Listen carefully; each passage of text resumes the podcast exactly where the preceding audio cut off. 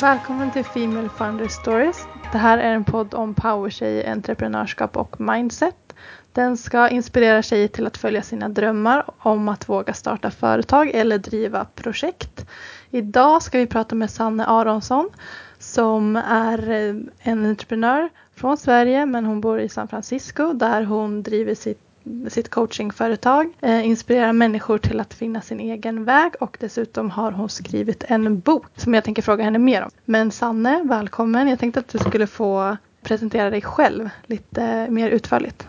Hej Malin, tack så jättemycket för att jag får vara här. Varsågod. Um, jag, ja, som sagt, jag sitter i San Francisco nu, solen lyser. Eh, och jag driver ett onlineföretag vilket betyder att jag kan jobba var som helst ifrån. Vilket jag är väldigt nöjd med. Det var någonting som jag från första början hade en dröm om. Mm. Eh, att kunna resa och jobba och eh, göra gott. Eh, så när jag snubblade in på coaching så kände jag att wow, det är det här, det här är det jag ska göra, det här jag är född för att göra. Eh, och idag så sitter jag med både coacha klienter privat men jag har också onlinekurser i olika ämnen som starta eget och eh, how to become a public speaker. Eh, och ja, allting gör jag på engelska förutom när jag coachar svenska klienter. Ja, spännande, för jag, eller jag har researchat om dig och sett att du bland annat skrivit en bok som heter Vad fan ska jag göra med mitt liv? Japp. och den finns på svenska men i övrigt så kör du nästan allt på engelska. Yes, så mm. boken finns på svenska. Den är faktiskt på gång att översättas till engelska nu. Jag är jättetaggad för det. Ja, ah, kul. Mm. Men boken finns på svenska. Alltså den går, finns på både bibliotek, vilket var den knäppaste när jag insåg att min bok finns på bibliotek. för att jag har spenderat hela min barndom på bibliotek och jag älskar att läsa. Ah. Så att det, var, det var ett stort mål. Det var in, att man kan köpa den online, det var så här på Adlibris och de här. Det var, kändes okej. Okay. Men när jag insåg att den fanns på bibliotek och när det var kö på den på bibliotek då fick jag dåndimpen. Det var den häftigaste känslan. Ja det är superinspirerande verkligen. Ah. Men jag har tjuvkollat lite eh, kring boken och där känns det mm. som att nästan din story börjar med hur du kom in på hela det här. Att yes. du var ute och sprang tror jag va? Ja och fick en liten breakdown eh, mitt på löprundan och hade väl, hade så här, vi får, får ge lite kontext att levde det perfekta livet. Mm. Hade allt i ordning. Bodde i mitten av centrala Göteborg i en skitfin lägenhet med walk-in closet.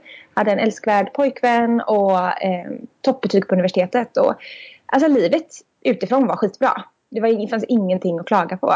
Och jag hade till och med vänner som var så här, wow nu är du verkligen i en bra situation. Ja. Eh, och jag bara kände mig tom. Och jag, på den här löprundan så bara bröt jag ihop och bara, vad fan håller jag på med? Jag är inte ens lycklig. Är det, är, är, det, är det här det som livet är? Här bara spelar jag någon jävla roll och jag försöker vara någonting och jag har gjort allt det där som alla sa till mig att jag borde göra för att bli lycklig. Jag har ja, men, varit ute och rest precis efter gymnasiet och jag har eh, jobbat och tjänat skitmycket pengar som säljare. Jag hade börjat plugga igen. Alltså jag har gjort, som gjort allting och jag har gjort allting framgångsrikt. Men jag känner mig helt tom. Så utåt såg det ut som att du levde liksom det perfekta livet som ung tjej. Men yes. du ja. kände inte att du gjorde det? Precis. Det var som att jag brukar ge exemplet som att det är som när man ser en klänning som hänger på kroken och bara gud det där är så en jäkla snygg klänning och så sätter man på sig den och så bara nej. nej. Det här var inte min klänning. Och, och det bara kliade i hela kroppen att jag ville iväg och jag ville hitta något annat. Men det var skitläskigt. Det var fruktansvärt läskigt att bryta upp från det perfekta normala livet mm. som all, alla det var ingen som ifrågasatte mitt liv utan alla tyckte att jag gjorde bra och jag gjorde rätt när jag bestämde mig för att bryta upp med både killen och eh, lämna lägenheten, packa väskan, åka ut och resa. Jag bestämde mig för att starta eget. När alla de här sakerna kom upp då, då blev jag ifrågasatt av både nära och kära och främlingar och bara men va? Hur kan du göra det? Varför? Du har det ju bra. Varför ska du rasera någonting som funkar? Um, men det måste ju mm. varit gjort det hela ännu svårare om du mötte sånt ja. motstånd. Liksom. Hur yes. tacklade du det? det är något som jag har lärt mig nu att det är vad man än gör så kommer man få motstånd. Mm. Eh, mitt favoritcitat är even if you're the juiciest eh, peach out there there will still be, be people that don't like peaches. Mm. Eh, och att det är så här att, att folk blir rädda när man själv försöker skapa något nytt och, och följa sina drömmar så är det både för att de blir rädda för en skull. Alltså det är många av mina nära och kära som älskar mig högt och inte vill att det ska hända någonting mot mig och bara, ah, men är det inte bättre att välja säkerhet då? Ja, precis. trygghet. Det som Ehm, de upplever som den säkra yes. vägen. Mm. Yes. Ehm, och sen så finns det också många som det väcks upp någonting i dem. Det väcks upp en, en avundsjuka och en, en, de känner sig tvingade att försvara sina egna vägval. Mm. Och de har själv kanske haft en dröm om att starta eget eller driva något coolt projekt eller vara ute och resa. Men så har de av någon anledning inte gjort det. Och då har de den här inre rädslan av att eller den här inre, den här inre behovet av att berätta för sig själva och för mig att nej men det här att jag valde den tråkiga trygga vägen det var faktiskt rätt val. Mm. Så då blir det nästan att de inte ens de bryr sig egentligen inte om mig. Det, är egentligen, det handlar ingenting om mig utan det handlar bara om ett inre försvar. Att de har valt en väg som de kanske innerst inne egentligen inte mår bra av. Nej, precis. Så att det, var, det är väldigt mycket hur, hur, hur jag hanterade det var Äh, fy fan, jag tyckte det var skitjobbigt. Precis i början så jag var jättearg på att det var ingen, inte de, att de inte stöttade mig. Eh, att de inte förstod. Jag försökte förklara mig hela tiden. Eh, vilket självklart inte funkar. Eh, men ganska snart så insåg jag att vänta nu. Vad är det som händer? Jag håller på att gå igenom en förändring. Mm. Och jag har valt det. Men på grund av att jag förändras så förändras min relation till den här personen. Och när relationen förändras så tvingas den här andra personen in i en förändring. Och den har inte valt det. Så det är inte konstigt att de blir lite förbannade och lite förvirrade och lite tycker det är jobbigt. Mm. Och vill gärna att jag ska stanna kvar. För stannar jag kvar så slipper ju de förändras. Exakt. Så att eh, mitt sätt att hantera det var att eh, bli, bli vuxen. Att bli smart. Att bli så här, det är inte deras det är inte deras val att förändra, det är mitt. Så jag måste vara den vuxna i relationen. Eh, jag slutade förklara mig. Jag slutade försöka få alla att förstå. Utan det var väldigt mycket, jag började hålla saker inombords. Mm. Att inte berätta bara när man har fått den här idén. Utan jag berättade det när det var verkligt. Men blev det Ja. jobbigt för dig att hålla inne dina idéer? För att oftast om man får någon sån här idé då brinner man ju för det själv så himla mycket. Yes. Att man vill berätta för allihopa. Och yes, tycka att de ska förstå att det är så Jajamän. coolt det man har kommit på. Yes. Och här fick jag, det här, det här är, det är två, två aspekter. Både um, ett, det var skitjobbigt, jag fick sitta på händerna och bita mig i tungan ibland. Mm. Eh, men det som jag framförallt fick göra var att skaffa andra, andra personer som förstod mig. Jag fick skaffa andra vänner eh, och kollegor som kunde stötta mig i det. Jag fick bli kompis med andra entreprenörer, coacher, eh, folk som reser, digitala nomader, folk som lever i så här häftiga och knäppa liv- livsstilar. För Mm. de ifrågasätter mig aldrig. Om jag kommer med den största, vansinnigaste idén så säger de Åh, shit, du borde prata med den här och den här. Har du tittat på den här hemsidan? Den här kan hjälpa dig. Så det är helt motsatt. För de vet att det är möjligt. Och de lever redan sina drömmar. Och de följer redan sin väg. Vilket gör att de inte behöver försvara någonting. Utan Nej. de kan bara stötta. Så att man måste ju kunna berätta för någon. Annars blir det ju skittråkigt. Man vill ju inte vara helt isolerad. Men eh, man får välja vem man pratar med. Mm. Vilka är det som verkligen stöttar mig? Vilka är det som förstår? Vilka är det som jag får en god känsla i magen efter att ha pratat om mina drömmar? Vilka får jag bara ångest av? Men sluta prata med dem då. Eh, Så det var väldigt, det var, men det var svårt. Det var jättesvårt i början. Jag har blivit mycket bättre på det nu och framförallt så beror ju det mycket på också att jag har Just nu så har jag nä- nästan bara knäppa kompisar. Sådana som är liksom vildhjärnor som, som hittar på massa roliga eh, projekt och eh, reser runt hela världen och lever på... Som inte tror sätt. på att begränsa sig själva kanske. Nej, jag tror att de har helt glömt av det där att man ens kan det. Men hur var det i början? Tog du hjälp av någon coach själv då? För jag vet du coachar ju själv entreprenörer nu. Om det, Yes. Kom du in på det direkt liksom, när du kände att du behövde något stöd eller bröt upp det där och löste allting själv? Ja, och det var verkligen alltså det var den stora skillnaden i, min, i mitt liv när jag började gå till en coach. Ja. Eh, jag pluggade faktiskt en kurs i coaching på universitetet Mm. och kände att gud, jag kan inte gå här och plugga det här utan att testa på det själv. Nej. Och träffade en coach eh, av en väldigt så här synkronicitet, min bästa kompis pappas vän liksom. Och så hamnade jag hos henne och hon var den första människan som frågade mig, eh, men vad vill du? Inte vad dina vänner vill, inte vad din familj vill, inte vad samhället vill att du ska göra. Vad vill du? Och det var wow. Det var, det var mindblowing. Det var den första. Alltså jag, blev, jag blev förvirrad. Det var jättesvårt att fråga, svara. Jag blev så här, va, vadå? Vad jag vill? Jag vet inte. Och sen långsamt då så lockade hon ut mig alla svaren. Och självklart hade jag dem inom mig. Mm. Det är det som är så häftigt med coaching. Är att det är inte någon som utifrån säger att ah, nu är det så här och så här och så här. Utan de lockar fram svaren som man själv har i sitt eget hjärta och sin egen själ. Um, så att ja, jag fick jättemycket hjälp av den coaching. Eh, den coachen. Och sen så har jag också gått massa entreprenörskurser och jag har en Mm. mentor och ja, gjort massa rent för entreprenörskapsdelen. För det är ju en annan del än coachingen.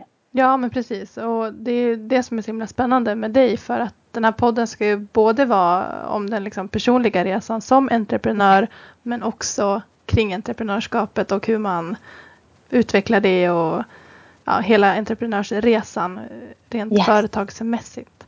Men eh, det som fick dig ta steget var alltså att du levde ett liv som du inte riktigt kände var för dig.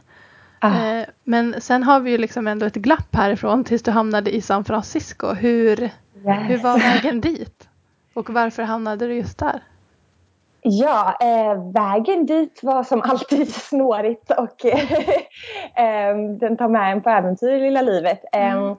Jag, eh, jag gick en coachutbildning i San Diego. Mm. Eh, precis, eh, jag började gå som coach eh, och bestämde mig nej men nu måste jag ta tag i mitt liv. Jag insåg att jag själv ville, ville bli coach. Mm. Eh, och eh, träffade då en, hittade min mentor som bor i San Diego. Jag åkte och bodde hos henne och utbildade mig med henne. Det här var 2011.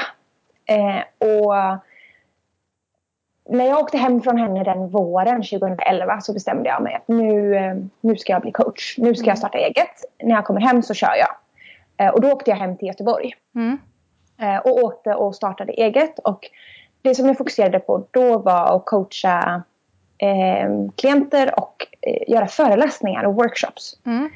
Eh, och, och tillägga ska, jag hade ett sidojobb och det är någonting som jag är väldigt pushar för mycket. Det är många som tror att man måste gå från 0 till 100. Eh, det är, de allra flesta har något sorts sidojobb där man får in lite pengar de Mm. första åren. Det är helt okej och jag vill bara poängtera det till de som lyssnar. Har du en Mm. dröm?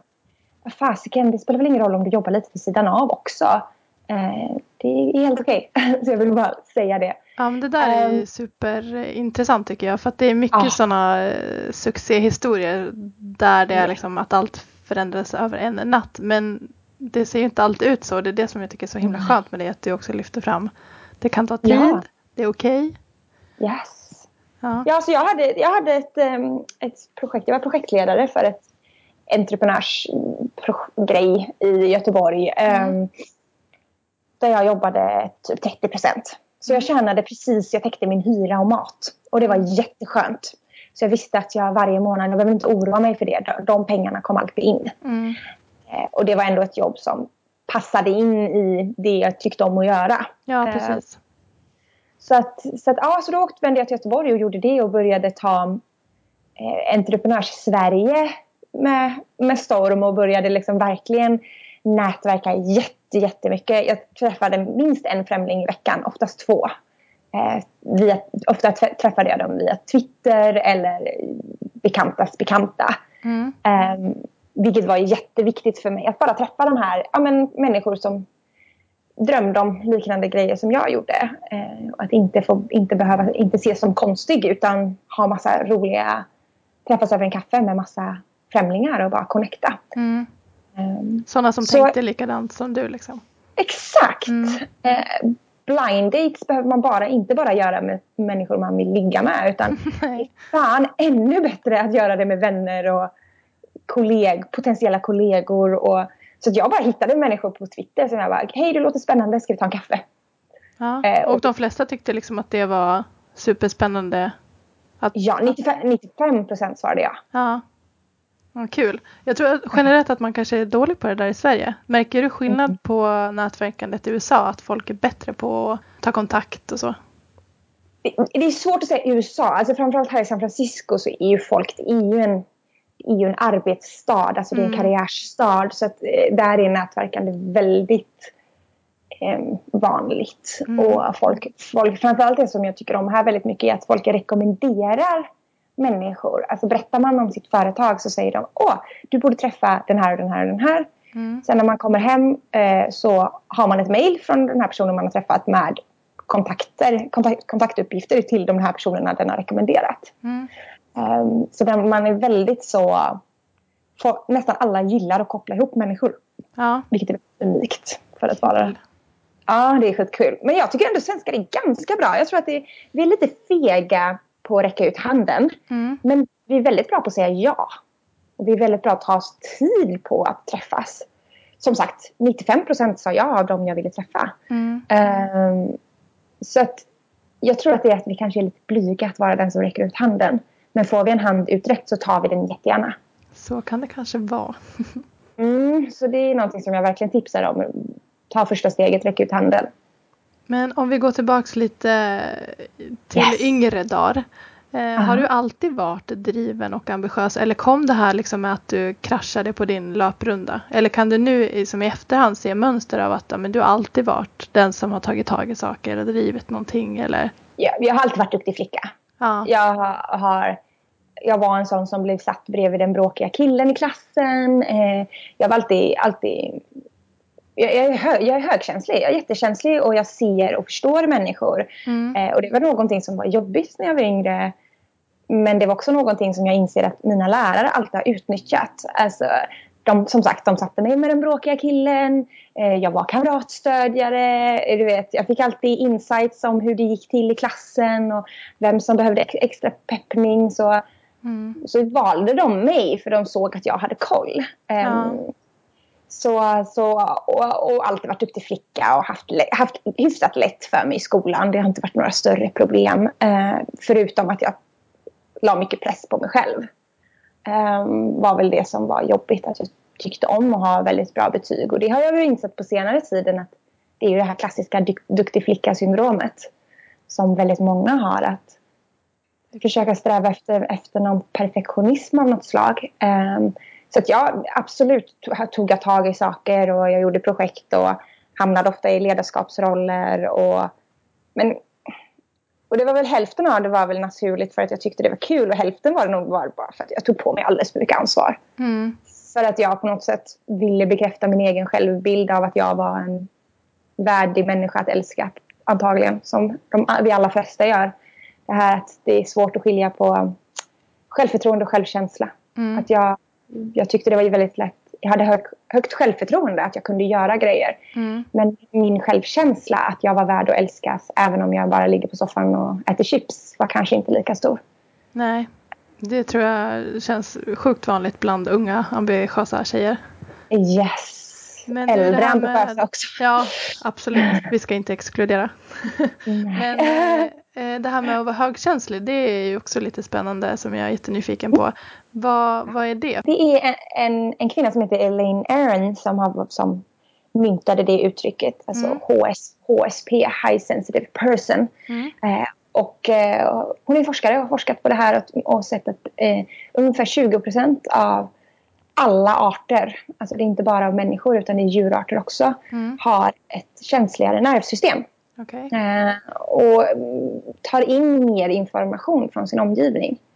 Så att jag brukar enkelt säga att det var, det var jag som, när vi bodde i skogen så var det jag som vaknade när tigrarna kom. Ja. Eh, och liksom, så att man märker små förändringar, man, märker, man är ofta väldigt bra på, um, på att läsa människor och se till att grupper funkar. Och, ja, oftast är det att eh, man tycker det är jobbigt om det är starka ljus och ljud. Mm. Man blir lätt overwhelmed. Eh, men när jag var yngre så fattade jag inte det då så jag bara pushade igenom.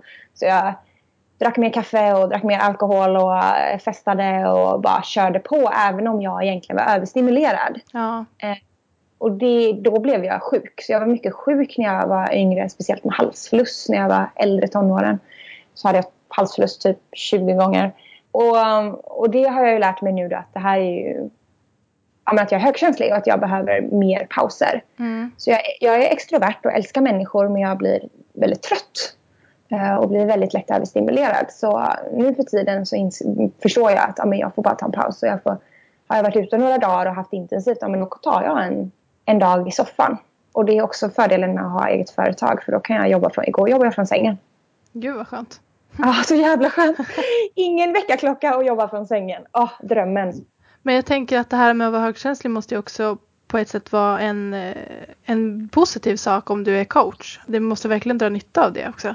Yes. Ja, det är min superskill. Jag älskar Ja. det. Jag älskar det så mycket. Det är att man känner allting så mycket mer. Allting blir så mycket kraftfullare. Mm. Eh, både känslor, andra människors känslor. Eh, att jorden är så vacker. Man kan börja gråta över att ett löv är vackert. Man så här kan känna sig berörd av allting.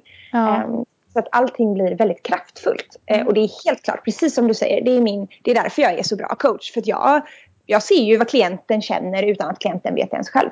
Eh, och det är samma med min fästman. Jag vet när han, när han, han, hur han mår innan han vet det själv. Eh, för det är min superskill. Det är det som jag är så jävla bra på. Men då glider vi in lite på drivkrafter. Alltså vi har varit och snuddat lite på det. Men vad skulle du säga är din största drivkraft? Eh, Det här är väldigt roligt för alltså jag jobbar ju med ett em, coachingsystem som har en väldigt annan syn på drivkrafter. Ja, som jag tror jag läste lite om. Som ett, eh, någonting med spindel va? Yes, Life Spider System. Så var det.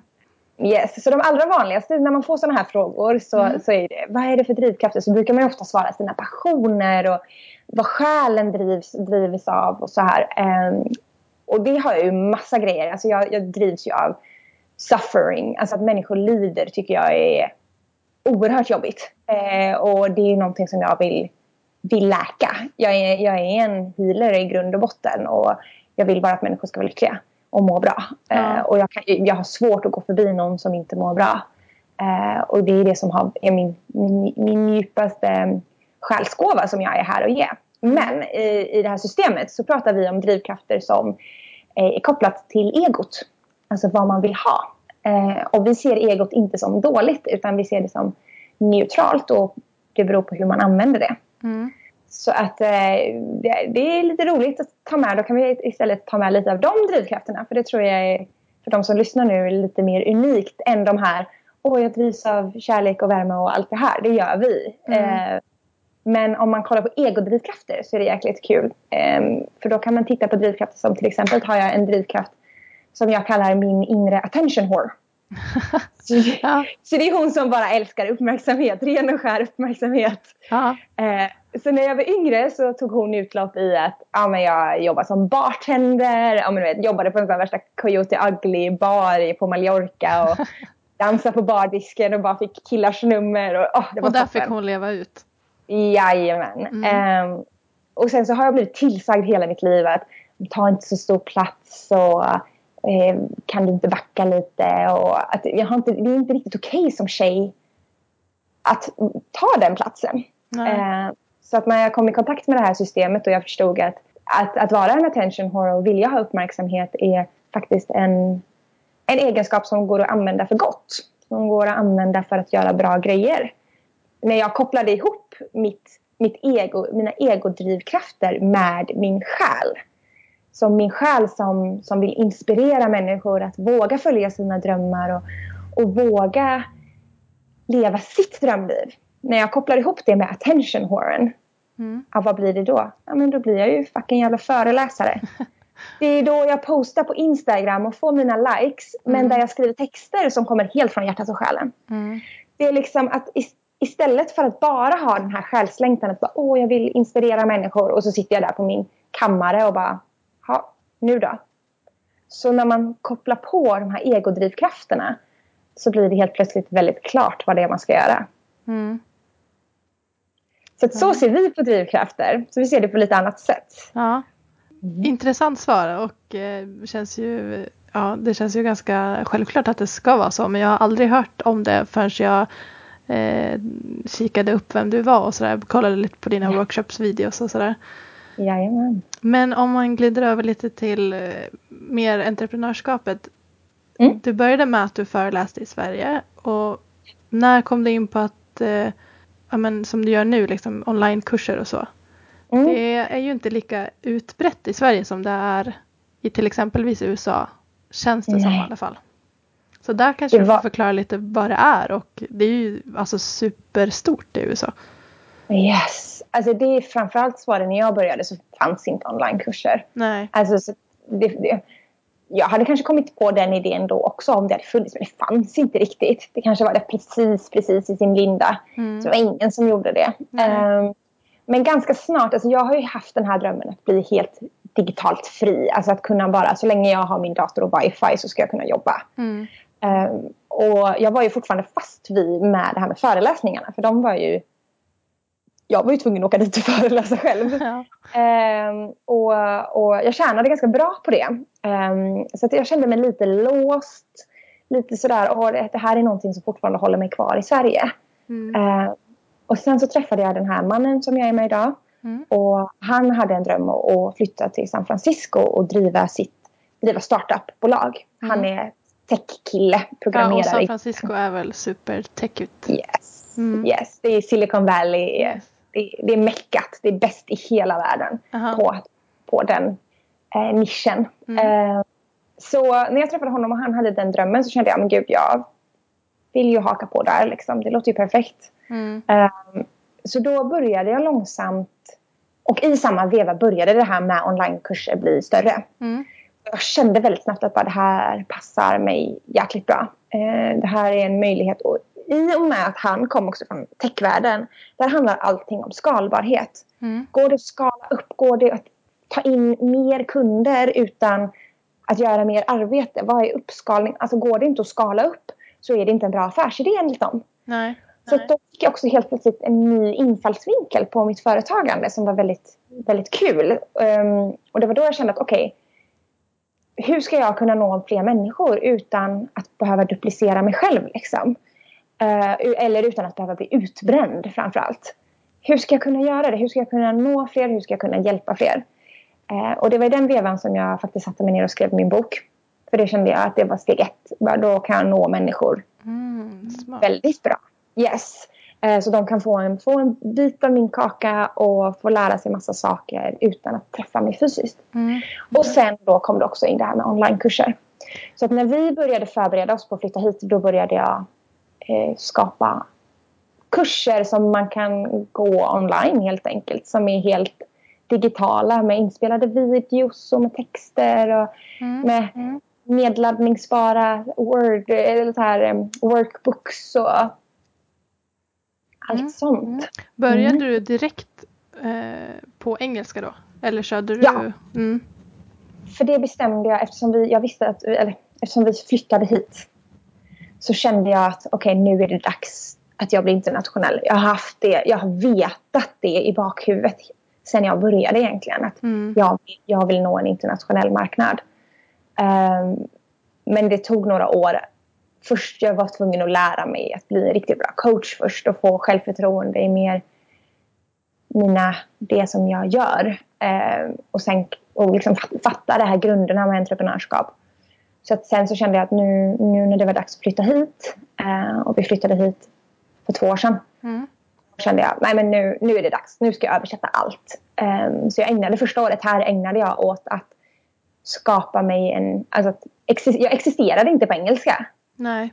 Ehm, så att jag var tvungen att se till att jag existerar på engelska. Så att göra hemsidor och skapa de här onlinekurserna och ja, men översätta gamla blogginlägg och verkligen flytta över allting på engelska och det tog tid. Ja, det förstår jag verkligen. Ah.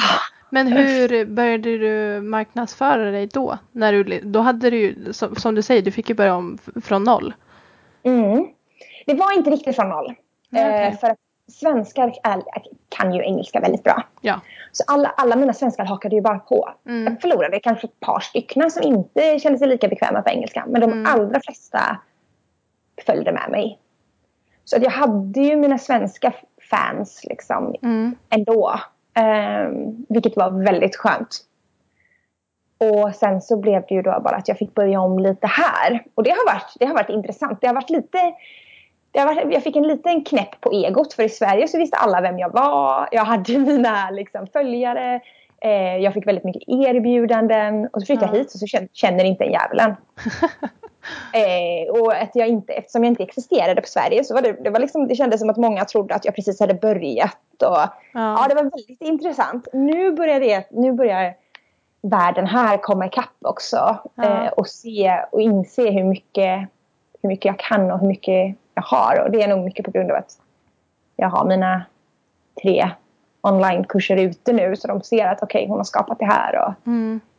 Så din Eh. inre attention whore fick sig en liten turn? Jajamän! Ja. Jajamän, och min inre besserwisser. Det var Jaha, lite jobbigt. den också? Jajamän, helt plötsligt så fattade folk inte att jag visste bäst. Så bara, herregud!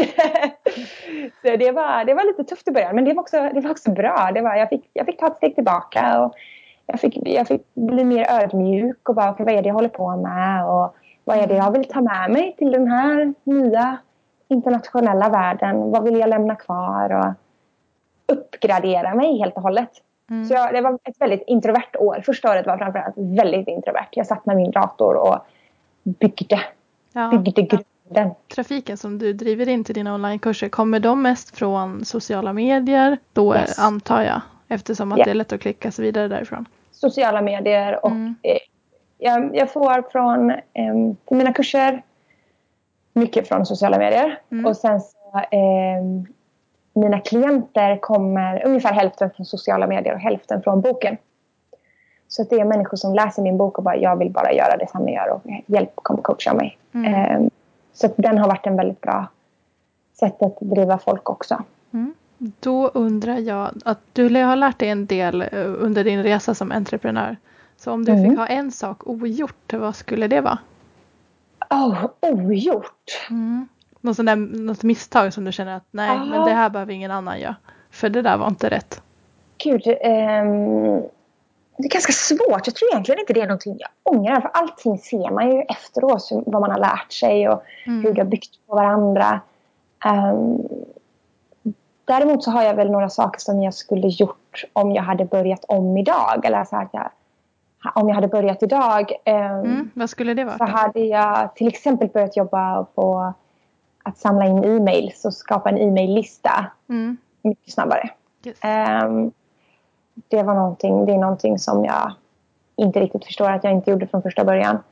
Ehm, och sen så är det väl också alltså, såna, alltså, mer mindset-grejer. Mm. Alltså, jag- hade tvivlat mycket mindre på mig själv. Och slutat haft så mycket, så, så mycket ångest och så mycket oro. Och att, liksom, att det löser sig. Och låta det vara mer kul. Um, så det är någonting som jag skulle... Och det var väl det som var så häftigt nu att jag nästan... Jag fick börja om lite grann här i, i en ny... På en, på en ny kontinent Mm. och en ny business. Så då blev det att jag fick liksom göra om från början nästan. Ehm, så det var väldigt intressant liksom, hur, hur jag byggde upp mitt för, företag här. Att jag fick liksom på något sätt starta om. Eh, Jag gjorde en helt ny hemsida på engelska. Och, Mm. Ehm, ja, då, då, då blev det att jag gjorde sådana där saker som jag kan, inte gjorde från första början. Vilka kunde jag göra nu och det um, blev väldigt mycket enklare och roligare. Men vad tror du det är som gör att man blir sådär orolig då? Är det, är det för dig, var det vad andra skulle tycka eller var det att du inte skulle kunna leva på det eller vad var det liksom de här blockeringarna du hade? Allt! Det är ju det som är framförallt att det är flera olika blockeringar som liksom tumlas ihop i varandra. Mm. Ha, eh, vad händer om jag misslyckas? Eh, vad händer om jag lyckas? Eh, vad, vad kommer andra tycka? Mm. Kommer, jag, kommer jag ens klara det? Eh, kommer det gå att leva på? Eh, vissa månader har jag inte kunnat leva på det eh, och då har jag haft pengaångest. Eh, och så alla de här som bara blir någon så här jantelagen och allting bara blir hopgeggat till en himla massa liksom. Så man vet egentligen inte riktigt vad det är man tycker är jobbigt. Um, men där det som, det som har funkat bäst för mig där är både alltså coaching, hypnos, terapi. Jag har gått på så mycket grejer.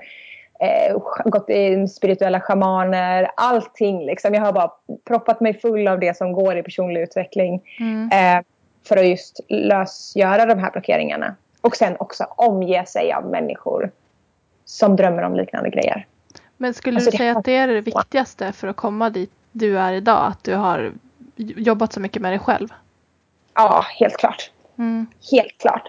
Och jag har nytta av det i allt. Alltså mm. både i, i mitt företagande, i min relation.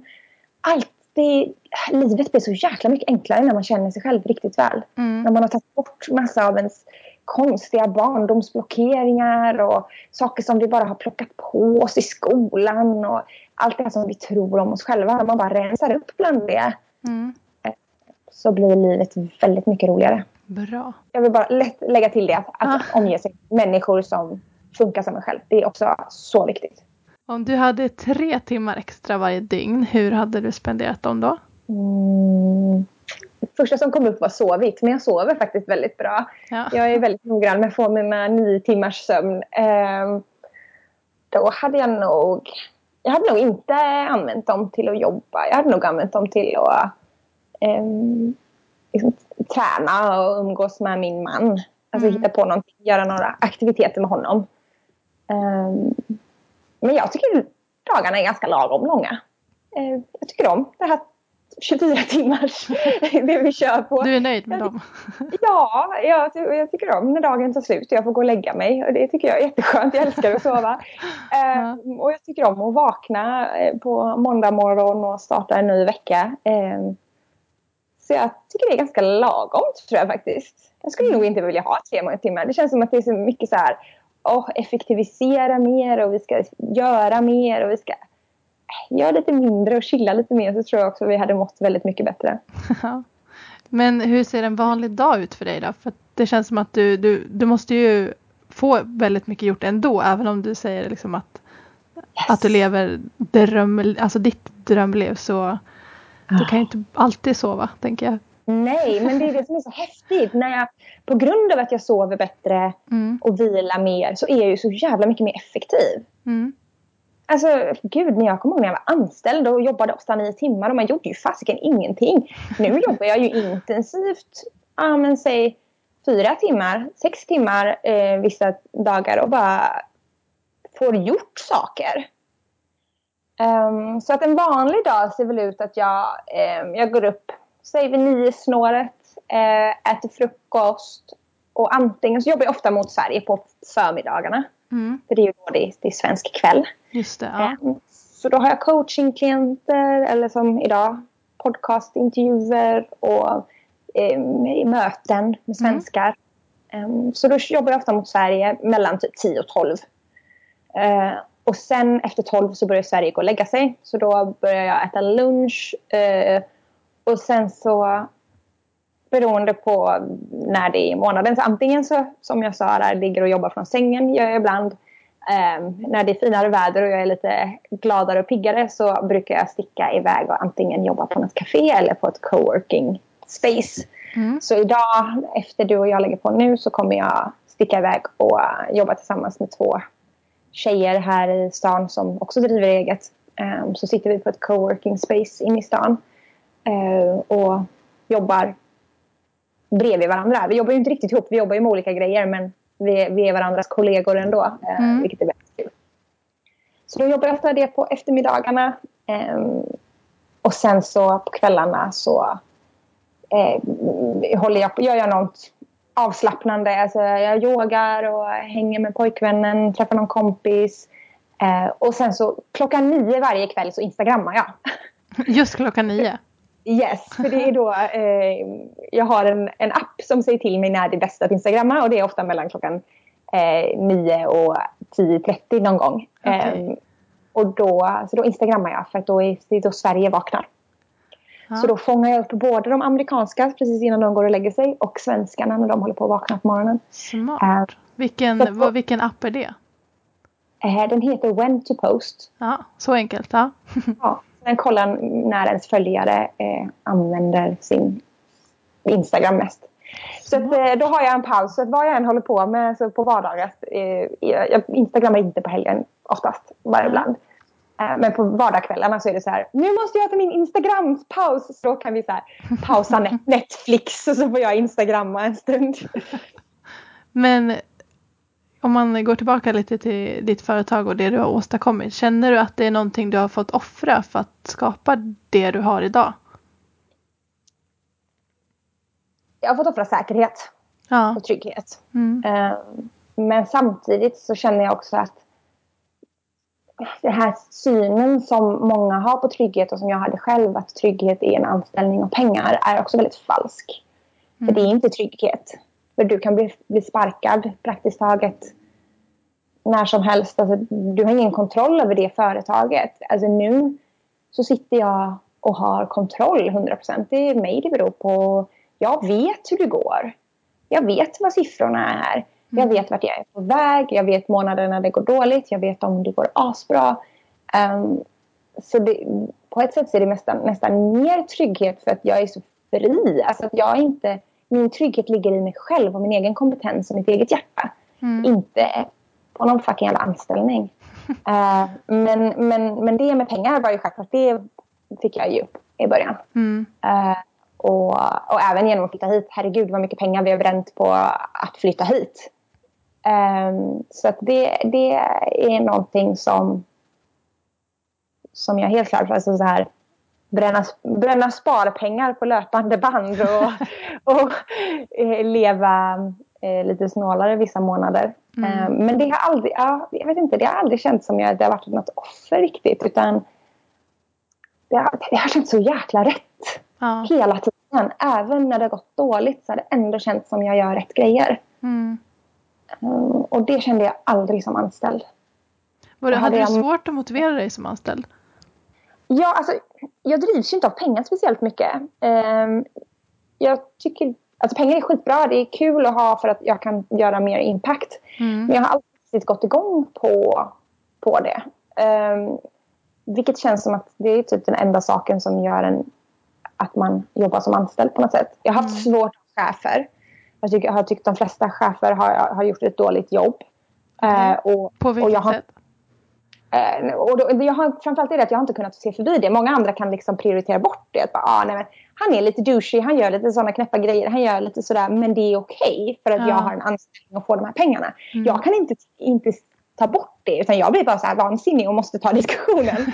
och bara, så här, bara, det här är inte okej att behandla människor på det här sättet. Ja, det är Nej. inte okej att, att behandla folk dåligt. Um, utnyttja människor och vara... Jag har haft en del dåliga chefer. Ehm, och alltså det har liksom inte funkat. Jag har inte kunnat lura mig själv i det. Eh, utan jag har varit tvungen att... Alltså jag har inte klarat av det. Jag har lämnat i så fall. Nej. Eh, så att vara min egen chef är så mycket bättre. Mm. Mm, det har känts väldigt mycket skönare. Ja, jag förstår, i alla fall utifrån vad du har berättat. Det känns ju som att du lever efter ditt, eller lever som du lär. Väldigt Ja. mycket. Ja. Men vad gör du om fem år? Om fem år så eh, kanske jag har återvänt till Europa. Mm. Eh, det finns Europa i framtiden. Inte till Sverige dock, men någonstans runt Medelhavet. Okej. hade jag gärna velat leva en period. Eh, och eh, förhoppningsvis har min, min fästman sålt sitt bolag härifrån och det är då vi skulle åka. Vi kommer inte lämna förrän han har sålt det eller det har dött. eh, mitt eget bolag har, jag har fler publicerade böcker. Mm. Eh, jag har i alla fall skrivit en bok till, kanske två.